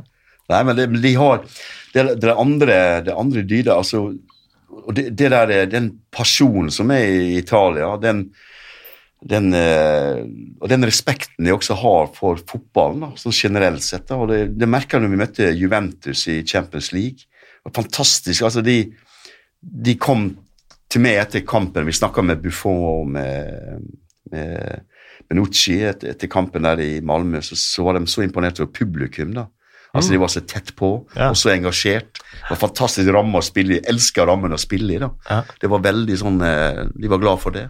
Glad for fotballens lidenskap. at det de trodde ikke at de hadde det i Skandinavia. da. Det, fordi vi, vi, vi, ble sett på som iskalde og liksom rolige. Og... Da har du jo strengt tatt ikke så mye i Norge. Nei, det, det er mer sånn svensk Ja, det, det er det. Og det, de har jo skapt det i Malmö som fantastisk ramme rundt kampene sine. 20 000 og full, eh, full knall på. Og det, det er fantastisk. og det eh, men, men, bare igjen, den der, når, vi, den, når vi kom ned til den profesjonalismen når du møter, du møter Juventus i, eh, i Torino og, og alt er kvalitet, altså. Mm. Absolutt alt er kvalitet. Det, det er fra ende til annen. Det, det, det, imponerer meg, italienerne. Som jeg sier til når vi er nå på besøk Vi har jo, vi har jo spillere i Milan, Bologna, Odinese, Genoa, eh, Parma. Og, og du rundt med disse lagene de, det er en fantastisk gjestfrihet, altså. Og, og, eh, og god vin. Og god vin. Og jeg må tilbake til svigersønnen min, som skrev faktisk sin Han er, han er jo utdanna pedagog, da, og han eh, har skrevet sin hovedoppgave her i, på Universitetet i Oslo på, italiensk. Mm. Forskjellen på italiensk og skandinavisk lederstil. Og uh, jeg ringte Svennis og fikk han til Svennis, som da var i Leicester. Kult. Og så via en advokat som kjente Uefa, som kjente Maltesani, som var i Genova den gangen, mm. så sendte jeg han til Maltesani. Så kom jeg ned til han i Genova. Da var han liksom veldig reservert, for at han, han trodde at han skulle snakke engelsk, og han snakka dårlig engelsk. Og så sa Magnus at jeg snakker italiensk. Og da mm. bam, invitert inn mm. på treningsfeltet, satt på benken der på treningene, og åpna seg fullt og helt opp. Og, og, han skrev en svært interessant oppgave om, om det. For dette viser språk og kommunikasjon hva det betyr. altså. Mm. Hva ble konklusjonen i oppgaven til svigersønnen din?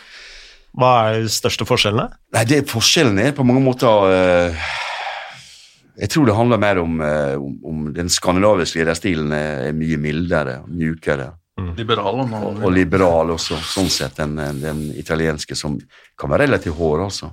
Og Det merker han også ut, hvis han er ute da, i, i forskjellige land. og Jeg har jo som sagt spillere i, i alle land, og, og, der er det veldig stor forskjell på disse De andre kulturene er tøffe. Mm. Tøffe krav. Altså Frankrike, Spania. Tøffe krav. Tyskland, tøffe krav. Mm. Det, det, det endrer seg litt, med, men generelt sett har Tyskland vært tøffe krav til, til spillerne sine. Det har tyskerne. Men det, jeg tror det endrer seg litt sånn lederstilen fra hvis du går tilbake den gangen Einar Aas spilte i Bayern München. altså Jeg fikk jo høre mye med ham på den tida. Det tror jeg endrer seg veldig mye. Hvis du ser på Jürgen Klopp, eksempel, som ja. har liksom blitt oppdratt i Tyskland og ser hva han gjør nå i, uh, i Liverpool. så har, har nok den lederstilen endra seg en hel del. Men Holland også har, har, krav. altså Når du kommer ned og skal være fotballspiller i Holland, så har de tøffe krav på hvordan de vil ha det. da, så Den offensive biten som de er så opptatt av. Mm. Hvordan har din trenerstil eh, forandra seg de siste 20 årene? Jeg tror ikke det har blitt uh, Du blir jo klokere med årene, det står i boka. Jeg vet så det står det. Jeg håper det, i hvert fall. For dette, du kan Altså jeg tror jeg var, når jeg var yngre, så var jeg mye mer sånn jeg var mye mer brå, da. Altså liksom i forhold til å, å, å kanskje være etterspillere når ting ikke var som det skulle være. og Skapte det litt mer usikkerhet, eh, tror jeg? Ja, det tror jeg det ville. Det tror jeg absolutt. Men jeg tror at det er jo en sånn type som kan smile etterpå, da. Veldig fort, da. Altså, ja. Selv om at jeg er brå, så smiler jeg fort etterpå. Det tror jeg redder ut av mange situasjoner for at det ikke skremmer folk, da. Mm. Og at de, de, de, de, vet at det ikke er sånn ment allikevel. Altså. Så jeg tror jeg blir mye flinkere der til å ikke, ikke være brå, altså, men bare ta det stille og rolig. Altså. Og, og, det er jo ofte sånn at jeg, jeg, pleier ofte å tenke gjennom hvorfor det var sånn, men det var liksom sånn at jeg, noen ganger så følte du at, det, at dette må den kunne klare, altså. På det nivået vi er nå. altså. Og så heller akseptere at det, det, fotballen består av feil, altså. Det gjør faktisk det. Og det, det er det som fascinerer med hele spillet, at det, det består av feil. Mm. Og det er det som gjør meg så irritert på VAR også. fordi at det, eh, Selv om dommerne gjør feil, så tar det bort noe av den der eh, diskusjonen rundt dommeren. og Vi skal ikke slå i hjel en dommer, altså. Og Det er jo derfor VAR er kommet. da. Ja. I redselen for at det, dommeren skal For det betyr så mye. altså Feil, feil i store kamper betyr enormt mye økonomisk. Og det er nesten farlig, egentlig, å være dommer. Men, og det, er Derfor så skulle VAR beskytte dem mer. da. Men vi må akseptere at det, spillerne gjør feil, treneren gjør feil, og, og dommeren gjør feil. Og det er hele fascinasjonen med, med fotballspillet. da. De tar bort noe av det. Du som har reist uh, såpass mye og besøkt uh, så mange klubber og, og ulike trenere og sånt. Er det noen du har lært ekstra mye av, sett bort fra Nils Arne Eggen, eller noen som har imponert deg ekstra mye opp igjennom? Nei, egentlig ikke, sånn sett. da. Alle har, sin, alle har sine styrker og svakheter, syns det, da, altså i forhold til uh, trenergjerninga. Um, men en som på mange måter jeg kjenner, da, men som på mange måter bare studert mye, er Alex Børgesen. da. Mm. For det, det handler mer om den der viser hvor små marginene er. altså I, i sine første sesong for Manchester United så kunne han få sparken. da. For de, de, de, vant ingen, de vant ingenting, ikke kamper engang. altså. Jeg tror det var 6 og 6 eller 7 og 6 og 8, tror jeg. 86. Han var vel et eh, mål fra i FA-cupen? Uh, Ja. Ligacupen, tror jeg. Ligacupen, ja. Ja. ja. Men så, men så snur det hele, og så, får han, så satser han på en generasjon. Han legger liksom, eh, han legger alt i potten. Så får han fram den der eh, geeks-generasjonen eh, med så mange forskjellige typer spillere, men med en sånn god, sterk skalle på, det, på samtlige. Og at kan, han bruker mange i laget sitt, og så får han forma United egentlig ut fra det. Og så Det var noe han satt, han sa til meg en gang. altså han, han, han, fikk, han fikk mange gode nordmenn, sa han til meg. Det var liksom var sånn pussig. da. Han hadde fått en danske i Peter Schmeichel, og så får han eh, Ole Gunnar, så henter han, eh, henter han eh, Ronny Johnsen fra Tyrkia. De kom vel på likt, gjorde de ikke det? Ja, så henta han opp i Blackburn. Henninga? Henning i Blackburn. Og så, så fikk de plutselig mange gode nordmenn, som han sa. det og det, det skal jeg jo ikke kimse av sånn sett, de må begynne å tenke på det laget de man hadde, og det mulighetene til å hente folk til United. da. Så var Alex Førgesen en sterk person som kunne hente gode spillere til, til Manchester United.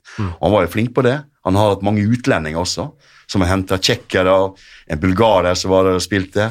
Og, og, og eh, alle disse her, det er miksen av folk da, som han klarte å få satt i hop. Eh, han henta til og med han uh, som etterfulgte med i Norwich, Steve Bruce. var Han, han sa alltid til meg at 'thank you for leaving England'. Så han, den kjøpte han fra Gillingham til Norwich. Nei.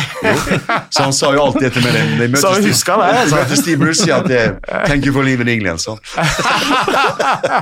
så, så, så det, det, det er fantastisk. Men, men han var god til å hente de rette folka, og hente tøffe typer. og, og eh, han missa jo på Noen av kjøpene sine, han òg. Men, det- men det er klart at det, han lyktes med de aller fleste. Men han har det beundra litt, for at det, han er veldig fin, Alex er veldig fin å snakke med om fotball. Altså sånn generelt. Ikke bare om taktikkeri eller sånn og sånn, men om fotball generelt. Og, og, og um, han setter pris på en god fotballsnakk, og det, det syns jeg er, det fine. Han, han har fått det inn, eh, på, inn under huden når han- starta opp i Glasgow Rangers og, og hele veien ned. Jeg husker jeg snakka med Henning Berg en gang, og fortalte at Alex Ferguson egentlig ikke var så opptatt av taktikk og sånne ting. Han ville ha en ekstra midtbanespiller i Champions League-kamper, og det var stort sett det. Ja. Men han er opptatt av typer, altså sammensetning av typer. Riktig. Det det Balanse i laget. Ja, og det har vært hans altså, husk, husk på det beste United-laget. Fantastisk å se på med to kanter som kunne jobbe opp og ned, som var, vinger og bekker om, om, om hverandre. Offensive bekker som kunne skifte på og gå rundt. Du hadde en balansert midtbane, midtbane du hadde alltid to gode spisser oppe der. Altså Det var et lag som hadde veldig mye, altså. Stor arbeidskapasitet. Så hadde de en fantastisk keeper i mål. Som, som to, når det ble skutt på, så tok han de skuddene som kom. Og så, så det var på mange måter Han hadde veldig mye kvalitet, men det var ikke alle som var trodd at de kunne levere nok til å være på United-lag, men de var det likevel. Og det er Blant annet disse nordmennene. da. Og Han sier jo at eh, Ronny Johnsen var jo et unikum av en fotballspiller. Han holder alltid Ronny Johnsen frem når jeg snakker om eh, norske spillere. For han, eh, han var, var glad i han også. Han er en av de smarteste fotballspillerne jeg har sett. Eh, Jeg husker når han kom til Vålerenga. Han, gadd, han gadd aldri å gå i en duell. Han bare Han obligatoriske lille dytten, akkurat liten nok til at dommeren ikke blåser, men eh, nok til at eh, Og så smilte han litt etterpå, så Han var dessverre mye skada på slutten. Altså. For jeg, jeg brukte han en kamp som jeg husker veldig godt. Vi slo Argentina 2-1. da. Og Da brukte jeg Ronny Johnsen som midtstopper, for da var han frisk. Og eh, han gjorde en fantastisk jobb. altså. Det var ikke det var ingen som kunne springe fra han. Han var 5-36 år gammel. Henning Berg var med en sånn type spiller som Jeg tror det var Thomas Berntsen som eh, sa at eh, Henning Berg han spilte alltid mot eh, spillere som var bedre enn seg selv, men kom alltid seirende ut av duellene. Ja, var flink i duellene. Han var veldig flink der. også. Flink til å lese altså, bevegelsene til motstanderen. Han, han spilte jo back i Blackburn. da. Og senere i åra så ble jo han midtstopper, men han var dyktig på å lese motstanderen. Og flink der, og duellsterk og klok. Klok spiller. Fra et sånn eh, taktisk eh, ståsted, eh, hvis vi ser de ti, ti siste årene Hva tenker du har endra seg mest i, i fotballen? Altså, vi snakka litt om me mellomrommet. Og du var, sånn jeg opplever det, så var du særlig på Champions League-stadium, så var du veldig tidlig ute ved å presse innover i banen og la de komme ned inn i denne trakta. Ståle, Solbakken var jo også litt av det samme. Eh, men nå ser man at det kommer eh, mottrekk mot det, og at man dobler ut på kantene med litt lange baller der. og fra, ser på et lag som Liverpool, da, som slår ekstremt mye langt, men man eh, legger kanskje ikke så mye merke til det, fordi de varierer, varierer så mye. De er gode på eh, det han kaller andre ballspill. Liverpool. De flytter frem troppene sine når de slår langt. altså Så blir de på mange måter igjen i stand til å vinne den andre ballen. Altså, de har, de, jeg tror det er større variasjon i dag enn noen gang blant de beste lagene i måten å spille på. Du har sett Manchester City i igangsetting. De har noen fantastiske igangsetninger der motstanderen står høyt, der de, der de sprer ut eh, folk. Og så droppa han keeperen deres er god med beina, da, så han dropper baller inn på folk som kommer på fem meter. Folk kommer fra offside-posisjoner og løper inn sentralt og, og kommer inn under ball. Når motstanderen står høyt, så kommer du bak kjedene deres da, med én lang pasning. Og, og jeg tror variasjonen og, på det taktiske spillet er, er offensivt større enn noen gang. På både posisjonering Mer komplett. mer komplett. Ja. Du kan spille kort-kort, og eh, du kan spille langt, langt kort, og du kan spille lenger enn langt egentlig også, for at det, keeperen til Manchester City er jo i stand til å sparke inn bak et forsvar hvis han, hvis han vil. da. Og hvis motstanderen pusher laget sitt veldig høyt mot City, så banker han ballen i bak ryggen på dem. Så det også har vi hentet i kamper. Men, men den største og vanskeligste delen jo, å håndtere er jo når du taper ball, hvordan du står da. Så det, vi jobber veldig mye med det, fordi at det, det er da du blir utnytta, det er da du blir sett, og da du blir skjært gjennom så fort som overhodet mulig. For at det, det kommer an på hvem, som, hvem, hvem på motstanderlaget som får ballen, hvis du mister ballen. Hvis han bare må ta ett trekk La oss si at det, vi spiller med vi spiller med, med mot Belgia, da, mot De Bruyne, så håper du at De Bruyne ikke vinner, kan få den ballen. Så du må på mange måter For det første må du angripe ballen, så må du lukke ned kreatøren. Altså, Du har fått to faser der. fordi at det, det er sånn som vi ser med motstanderen. Christian Eriksen er heldigvis veldig flink til å lese hvor ballen kommer hen. Han leser rom og tid og alt det der. Så han, hvis han kommer på ball, så er det livsfarlig for motstanderen. For da, da, da utnytter han eh, åpninga med en gang. Mot Sveits, vi vinner 1-0 mot Sveits, så ble han frispilt ut på, ut på siden for en feil, tellefeil i sveitsiske forsvaret. For vi fikk ett dypt løp som en midtstopper han fulgte, så har vi én mann her inne. Og Christian havna her ute bak, bak bekken, som gikk i press, forbispilt. Han, han spiller ballen på første berøring rett gjennom til uh, Josef Paulsen, som gjør 1-0. Det var 7 86. minutt. Så klarer han den prestasjonen, fordi at det er en liten posisjonsfeil hos, hos uh, sveitseren.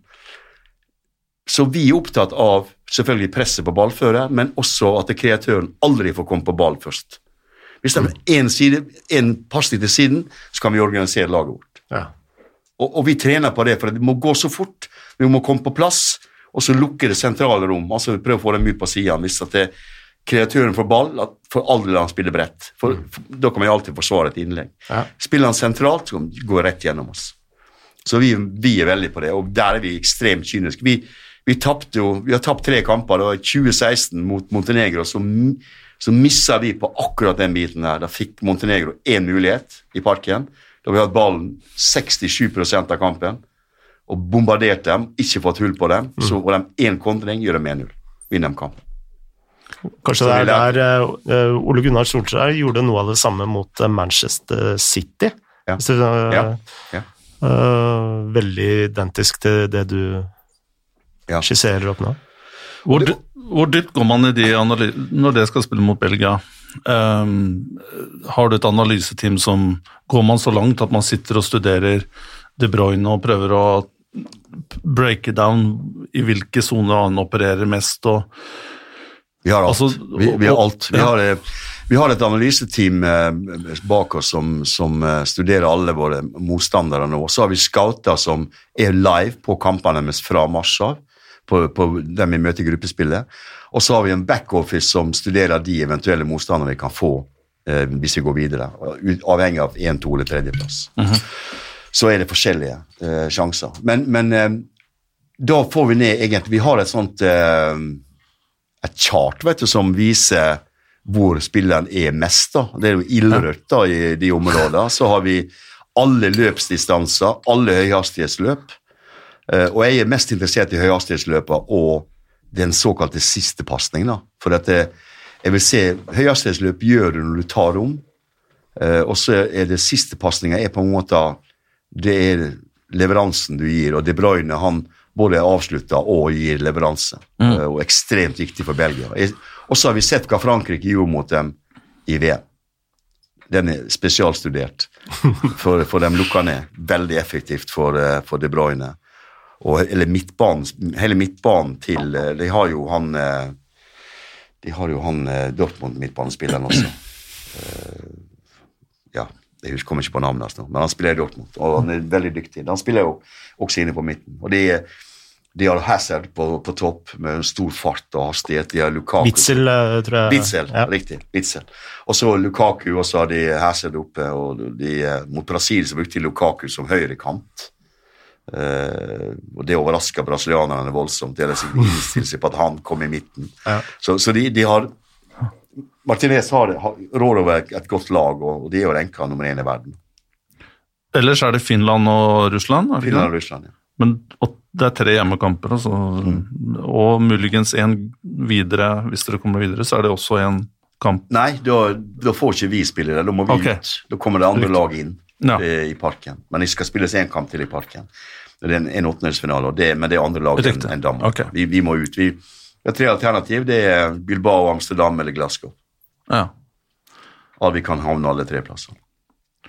Og um, ja, nå har ikke jeg fulgt så veldig godt med på Finland, men det er jo en fantastisk nordisk eh, anledning her. Ja. Det er Både Island og Norge er jo i playoff, så vi kan få et skikkelig nordisk brak altså, eh, i, i, i EM. da.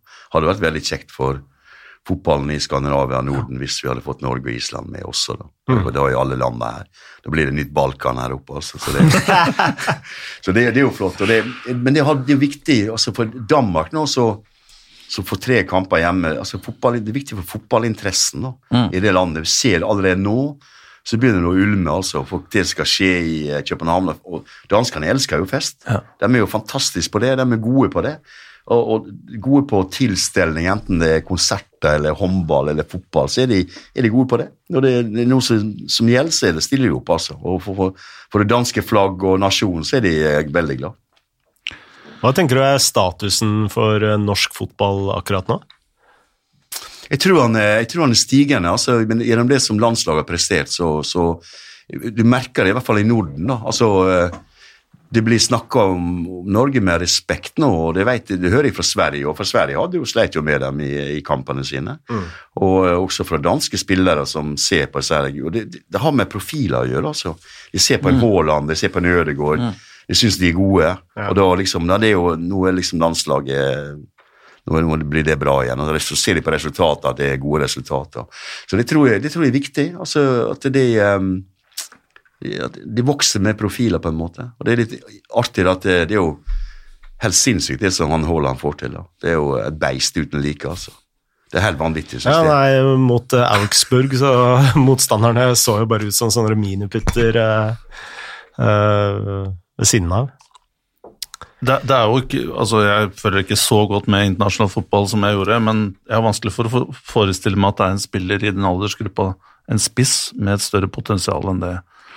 Nei, de tror, de tror ikke i det hele tatt det, altså, det finnes. da, for De, de har liksom sett på disse kampene i, eh, i, i Champions League også for Salzburg, der han har vært oppe. Han er jo i stand til å, å skape sjanser og, og skåre mål mot hvem som helst. Mm. Og det er, jo, det er jo imponerende. Har, jeg snakka med Thomas Delaney, som er i, i Borussia Dortmund. Mm. Thomas sier jo at han har jo eh, han, de, han, Jeg tror han imponerte med, med hastigheten sin og teknikken sin for å være så stor, da. Ja sånn stor fart. Selvfølgelig god fysikk, men også god teknikk. Og så har han en veldig flink eh, avslutningsteknikk. Ja, Den begynner å bli mer eh, ja. polert nå, ja. ser vi. Det, det, kan liksom, prikke og sette Han kommer så er det nede i kroken også. Han setter dem, setter dem, der han skal sette dem. Og det, det legger jeg bare merke til, da, som, som, eh, fordi at det, selv Martial for, for, Manchester United mot, mot, mot Burnley, han blåser dem himmelhøyt over, altså. Mm når han får sjansen. Da. Det, nå har jeg hatt Jon Dahl Thomassen som uh, assistent, og han var jo eksperten på å bare rulle dem inn til høyre og venstre. Han var jo Danmarks uh, van Basten, kan vi kalle det. Ja, innersiden ja. kalte han meg Danmark. Ja, det overrasker meg at det er så veldig mange på sånn topp, topp nivå som ikke bruker eh, innsiden av foten når de avslutter. Mm. Det er, det er, som, det er som et sånt uh, jern i golf, altså. Ja. Det går på presisjon. Da bruker du jernet, altså. Ja, ja. du, bruker ikke, du bruker ikke trekøller da, altså. du tar det fram jernet for å treffe, altså. Ja. Men vi må, jo, eh, vi må jo komme litt inn på um, framtiden nå, Åge. Uh, med den lidenskapen du har, så er det jo uh, Vil jo håpe at vi at du fortsatt skal være med på, på, mange ting. Jeg tenkte jo, nå er du her i Oslo, eh, og så, nå, nå, har jeg ikke spurt om dem, du kan jo godt gjøre det, men, eh, men nå, nå, nå, er det jo en Hareide som har blitt samferdselsminister. Er det Åge Hareide fiskeriminister? Eh, som ja, skal, skal det skje? Det, kanskje det har vært ok, ja. Det, er jo, uh, det har blitt nevnt før, har det ikke ja, det? Vi har vært nevnt før, ja. Det har det. Men uh, jeg tror ikke det blir aktuelt, det også. Det er helt sikkert. Uh, nei, i Oslo, for det, det er privat, privat uh, ærende, så, så, skal jeg holde et foredrag i april, så jeg skal opp og lage litt sånn promo på det. Uh, og det handler egentlig om samfunn og mangfold, egentlig, der, der de vil bruke fotballen som et eksempel på hvor hva mangfold betyr. da. Altså at det, vi, det skal være plass til alle typer mennesker, det skal være plass til alle typer raser legning. Og det er jeg veldig opptatt av. For dette igjen tilbake til dette med idretten. altså Vi har på en måte det er en samlende kraft. Det er plass til alle. Det, det, det er plass til fattig og rik. Altså, det er ingen som spør deg om hvor du kommer fra. Altså, bare se på hva du kan. Det er det, det mm. aller viktigste. Og det tror jeg er viktigst med mennesker i seg selv. Sannsynligvis det mest interessante dyret på denne jord er mennesket. For det er interessant å jobbe med dem. Og da skal man ikke bry seg så veldig mye om eh, hvilken farge de har, eller hva, hvilken legning de har, men at de er gode mennesker. Og det skal jeg snakke om, og det skal jeg lage som promo på. Og det, jeg tror det er veldig veldig viktig at det, vi må lære å ta vare på hverandre. for at det, jeg har levd en stund, da, heldigvis, og jeg ser at det, det ja, altså det blir mer og mer fokus på de problematiske tingene med livet. da. Eh, når du egentlig kan ha det steike gøy. Mm. Og unge mennesker sliter fordi de ikke har det godt, av en eller annen årsak. Eh, det gror fram noe sånne jeg kaller det sånn samfunnssykdommer, da, som kommer, tror jeg, fordi at samfunnet endrer seg. Press på folk for tidlig. Presset må være det, det kommer til å snakke om. Rik, vakker og vellykket, bare sånn over natta. Det, det, skjer ikke. Det er hardt arbeid på alt, altså. Og vakker, det, det handler mer om hvordan mennesket er, og ikke hvordan utseendet. Fordi at det, det, det, er jo De fleste sier jo at det vakre kommer innenfra, da. og det tror jeg skal, vi skal være enig i. Mm. Så eh, kan han gjøre så veldig mye med utseendet sitt for øvrig, men han kan bli veldig vakker uansett. Og uh, han kan bli veldig flink. Og resten kommer med hardt arbeid. Hvis han blir flink, hvis han føler selv han er happy der han er, så skal han være der han er. Og hvis man streber etter noe, så er det lov å ha ambisjoner, lov å prøve å bli enda flinkere. Så det er veldig sammensatt. Men det handler, det handler mer om å leve da, i et mangfold, mm. egentlig blant folk, og jeg tror det er ekstremt viktig. Men idretten har en, eh, en viktig plass i samfunnet og kan samle Alle. Er du bekymra for hvor eh, polarisert samfunnet har blitt? eh? Ja. Er det noe av driv drivkraften for Ja, det engasjementet ja. der? Det er det, og det er jo for jeg har bedt om å komme og snakke om det, fordi at det, de vet jo at idretten og fotballen, kanskje aller mest fotballen, har samla hele verden på en måte. da. Vi, vi, når jeg dro til England, så, så henta de fra skandinaviske land eh, noen få, og de henta lite folk utenfra. Så, ble, så ble det på mange måter Syd-Amerika, Afrika, Asia. altså De kommer fra hele verden, da, fotballen. Altså, og, jeg, jeg kan huske første gang jeg sprang ut på Goodison med reservekeeperen i Manchester City, Alec Williams, da. Mørk, karibiske foreldre. Mm. Så pumpa de full 16-meter med bananer. Og jeg hjalp han å samle opp bananene, og, og, og så sa jeg til han nå er det én ting han gjør seg, det er å bare vise hvor god keeper du er. Sånn. du skal bare sette en faen i det her, sa. Mm. Og så skal du ikke bry deg om de folka i hele tatt. Og det, de holdt et brennende kors når vi, når vi gikk av bane i pausen. da. Brennende kors? Brennende kors mot den. Nei. Jo, jo. Det var folk på tribunen som gjorde det. Et lite brennende kors. Ja. Og du, du kan bli sjokkert over sånne ting, men det var sånn det var den gangen. Mm. Det er borte. Det er borte. Bortsett fra noen steder i Øst- Øst-Europa som fremdeles har disse tingene. Og det, det skjer eh, dessverre på en enkelte arena rundt omkring.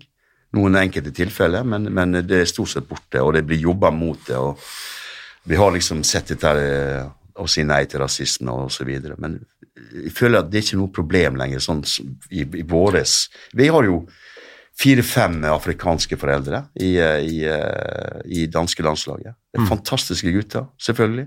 Og, det jo- og jeg har eh, trent afrikanere og sydamerikanere. og det, det er jo fantastiske gutter. Kommer inn med sin kultur og sin væremåte Ja. som alltid er Det er noe å hente i, i, fra enhver kultur.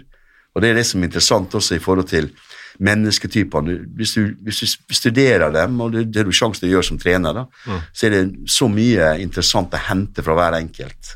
Altså, eh, vi må ikke tro at det er vår måte å være på er den riktige måten å være på. Helt riktig, for det er så mye godt i de fleste, fleste mennesker.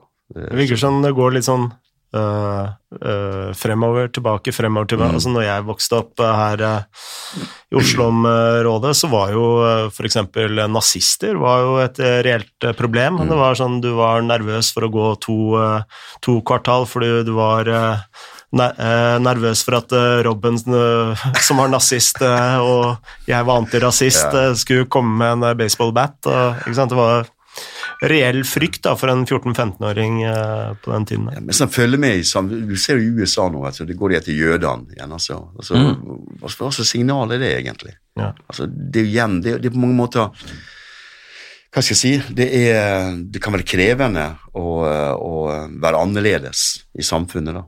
Altså litt tilhøre en gruppe som er kanskje litt annerledes. eh, Men eh, vi skal ha respekt for alle mennesker. Og det, idretten er, er, plassen å være for det. Og det, det, vi, det er vi som må si fra om det òg. Altså fordi at det, der, der kjemper vi kamper, men, men det er uskyldig. altså Det å tape og vinne er uskyldig der altså. Og jeg ser Du har gjengmentalitet i Malmö. Byen er delt. Uh, unge mennesker som skyter hverandre. Øver vold på hverandre. og det, det er ikke bra, det, altså. At du skal ha Malmö som har brukt så vært så flinke og er så fantastiske folk, og klubben har satt sitt preg på i hele Skandinavia, ikke minst på Sverige, men også ute i Europa, med entusiasme og publi pub pub, positivt publikum. Og så får du sånne ting som ødelegger eh, hele bildet av, av plassen og stedene. Mm. Bekymrer meg litt. Du har det, du har det i Oslo. Og du har det i København. Du har det i København. absolutt, det i. København. Så det bekymrer meg litt, det er altså samfunnet som sådan, men, men aller mest det at, det, at mennesker sliter, eh, kan du si, med fordi at de føler at de ikke strekker til. Mm. Jeg tror veldig mange faktisk gjør det. Absolutt, og uh, særlig uh, et sted det, dette her har vært veldig underkommunisert, det er jo innad i fotballen selv. Altså Vinnie Jones og alle disse som har sliter med mentale ting. Og I, I miljøet som øh, er kanskje vanskelig å komme ut i. Da. Ja, det, altså, jeg hadde jo en eh, U16-spiller selv, som uh, Anders Vik Jensen, som dessverre gått, eh, gått bort. Mm. Um, og det, han, kjempetalent, og det, det for meg det er uforståelig og sånne ting. Og det, men men um, det, det berører i hvert fall meg når, som, som menneske når jeg ser at unge mennesker kan du si, har problem, eller da må man på en måte få fatt i dem og, og bygge dem opp slik at de, kommer ut av det på en eller annen måte. Og så kan ting være altså Jeg kan for lite om sånt altså i forhold til genetikk eller whatever. også. Men eh, vi har opplevd det i fotballens verden også med, med Knut Torbjørn Eggen og Nils Arnesens sønn. Og det er Ja, det, vi må prøve å la det bli så få som mulig. Det, vi har jo også vært inne på det tidligere her, at eh, ja, jeg syns du sa noe veldig fint der tidligere, det der med å, å ja, at man, man skal sette mer pris på, på det menneskelige, ikke bare det overfladiske. Og i dag så er det jo, tror jeg, sosiale medier, eh, mobbekultur, som er eh, Altså, det er så enkelt. eh, det er så kort distanse mellom en tanke og publisere det. Det er noen få, noen få tastetrykk, og så er det liksom en helt irrasjonelt og emosjonell reaksjon, og den er ute for alle til å lese, og det er jo aldri eh, Det er veldig sjelden det er eh, positive ting.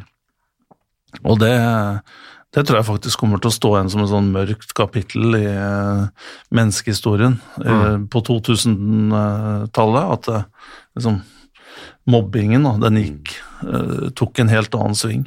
Og spesielt for unge mennesker, da, tenåringer, og, som eh, har dette her mye nærmere og tettere på seg enn det vi har. Så det synes jeg er veldig fint det du sa. Ja, og det, det er jo at vi må bygge også supporterkulturer som handler om, mest om å bygge opp egne enn å prøve å eh, rive ned eller, eller å drive sjikane med, de, med våre motstandere. For det er, det er ikke supporterkultur, det. Supporterkultur er å bygge eget lag, det å være bak laget, støtte det tjukt og tynt, istedenfor å, å bruke en masse masse tid på motstanderne og fortelle hvor forfer- forferdelige de er. Det, det behøver ikke de. De, de skal bare slås, dem. De ikke, de blir ikke, du slår dem ikke med å gjøre det, du motiverer dem mer ved å være, drive med sjikane og andre ting mot motstanderen. Du motiverer du egentlig motstanderen. Så, så det, det blir feil å gjøre det på den måten. Bygge en, en, en supporterkultur som bygger eget lag, som kjenner historien, som er bak klubben og hjelper klubben, og spesielt når det går dårlig. Ja. Spesielt da. Resten, når det går godt, så går det av seg sjøl. Da kan alle være glad. Kan jeg spørre, hvem var dine forbilder når du øh, vokste opp? Jeg var så heldig at jeg hadde forbildet mitt så tett på meg. for at jeg, Min mor er søskenbarn til Kjetil Hasund, som spilte, som var landslagsspiller på Hødd eh, på 60-tallet. Og jeg spilte med han selv. Jeg debuterte med han. og... eh, Du spilte mot svigerfaren min, og han nevnte, han nevnte Ha- ja. ja. da. Og, og Kjetil han, eh, han og broren Halbjørn var, var mine forbilder. Så Jeg var med bestemor, som var tanta deres, og det var to gårder som lå rett ved siden av. Så jeg, det var to mot én-spill den gangen, og jeg var ganske liten, seks-sju år gammel. Jeg måtte springe mellom de to der. Det, men, men så var jeg heldig. Hødd rykka helt opp i toppdivisjonen i 66 og spilte eh, mot de beste. Fire lag i Oslo, alle, alle fire. Frigg, Skeid, Lyn og Vålerenga var der. Ja. Fredrikstad Sarpsborg var der. Odd var der. Og et av øyeblikkene som jeg, som jeg Drillo holdt eh, triksoppvisning for oss guttungene som lå på nedsida av banen på Hødvoll, og så Drillo vise fantastisk Et av spes spesialtriksene var han, han slo ballen langt opp i været, så kunne han legge den ned på nakken. Og vi var kjempeimponert. Ja. Og så etter kampen så gikk jeg sammen med bonden Sørli ned til Ulsteinvik fra Hødvoll. Et stykke å gå, men han var så hyggelig. Og det glemmer aldri, for han smilte hele tida, og de vant jo kampen, selvfølgelig. De var et godt lag. De ble, de ble mester året før, tror jeg. Det- Nei, to år før var det, i eh, 64. Men, men han var så hyggelig. Fantastisk, vet du. Og vi var to guttunger som gikk ved siden av han. Det var, det var så Og alle og Jeg var jo fra Hareid, der kom jo ferga inn da, fra Ålesund. Og så Alle måtte jo av den ferga, da, så vi var jo nede og så på alle som kom. da. Mm. Jeg husker jeg så Fredrikstad trene med hvite overdeler. Jeg har aldri sett hvite overdeler før altså på treningsdrakter, med FFK på ryggen. og Arne Pedersen og Bjørn Borgen og Per Snebbes Christoffersen. alle. Vi hadde dem så tett på vet du, at det var liksom, det var med å inspirere oss som Jeg var 13 år en gang. altså Det var, det var med å inspirere meg når vi så disse spillerne. da. Og så var de så brune, de som kom fra Østlandet. da. Det var liksom, Alle var brune. Og det var, vi var helt hvite. vet du. Det regna hele tida. Så eksotisk. Og, så- Veldig eksotisk. Ja. Jeg har et par, eh, par spørsmål der, eh, veldig kjapt. Um, første, vi må bare få med etternavnet til svigersønn, sånn at vi kan følge han litt. Det var Magnus, var det ikke det? Magnus Olterdal, ja. Magnus Olterdal, Spjelkavik. Ja. Da har vi det. Vi liker å en uh, italiensk-inspirert Ja, er trener, som vi skal holde litt altså. eh, øye med han ferierer i Italia, så han snakker italiensk. Han, veldig, han ser ut som italiener. Ja. det, han, jeg kaller han bare Buffon, altså. Ok, ja, det lover bra. Det andre jeg har lurt på, jeg prøvde å gjøre litt research uh, før jeg kom, men jeg, jeg mistenker eh, Denne podkasten heter jo Tsjivadze etter uh, sovjetiske kaptein. Eh, 86-VM og vel også 82 med? med. Det stemmer. Har du spilt mot Ja, jeg har spilt mot den. Jeg har spilt mot den. Jeg tror en av de som holdt med. Altså, historien er følgende. I 85, kampen etter vi jeg hadde laga den der kjempemissen mot Danmark, da, så eh, spiller vi mot uh, Russland, mot Sovjet, Sovjet på Lenin stadion. Eh, nå ombygd til Lusisjny stadion. Så, men Lenin var gigantisk da, i 85. Det var plass til 100 000, og det var fullt når vi møtte, for de var jo på vei mot VM. da får det corner, så går det opp. Det var, for det første var det forferdelig snøvær før kampen. så det var, Jeg tror det var 50 000 soldater på, ute og måka og snø da, for, eh, for at vi skulle bli klar. Men det, var, det snødde jo sånn at det, det la seg det hele tida. Corner til oss. Uh, Halvard slår corneren. Jeg går i lufta, header han kanon bak Dasha. Jeg tror jeg skårer 1-0. vet. Så dømmer han skotske dommeren på en eller annen dytt en annen plass i feltet. da. Det var ikke en dytt, han var, var, han var kjøpt av dommeren, helt garantert, altså. Så skårer Sovjet, så blir Tom Sundby feid ned inne i 16-meteren, i snøføyka der etterpå. Klar straffespark. Han bare vinker det videre. Så det var den dagen. Ikke, vi fikk ingenting. På sist på overtid så får, eh, får eh, vi corner igjen, og jeg stiller, jeg stiller meg opp. Jeg var ganske sterk i lufta. Det var fire russere som holdt meg, blant annet han eh, godeste kameraten der. Han sto og holdt rundt meg. Og, jeg slo med seks russere etter fløyta gikk, for han blåste blåste med en gang. Jeg sto og slo med seks russere ute på banen der. Altså. Så, så det var, det var Vi hadde håpet det var litt mer romantiske minner. Det ikke mer romantisk med det. Ja, eh, vi har holdt på i snart eh, ja, nesten to, eh, to eh, timer. Jeg kan ikke så mye. Jeg må, jeg må, jeg må snart tilbake igjen. Jeg skal eh, Vi kan, kan vi egentlig bare avslutte med å si eh, tusen takk for at du eh, var med her. Det var kjempe kjempeinspirerende, kjempelærerikt og eh, ikke minst hyggelig. Det er alltid hyggelig å snakke fotball. Alltid. Og lykke til inn mot uh, sommerens store begivenhet. Takk skal du ha. Vi, uh, vi har uh, to kamper nå i mars. da Vi møter Færøyene først. For de har alltid hatt ønske om å spille mot Danmark. Og så møter vi England på Wembley, og det gleder jeg meg voldsomt til. Da sier vi det. Tusen takk.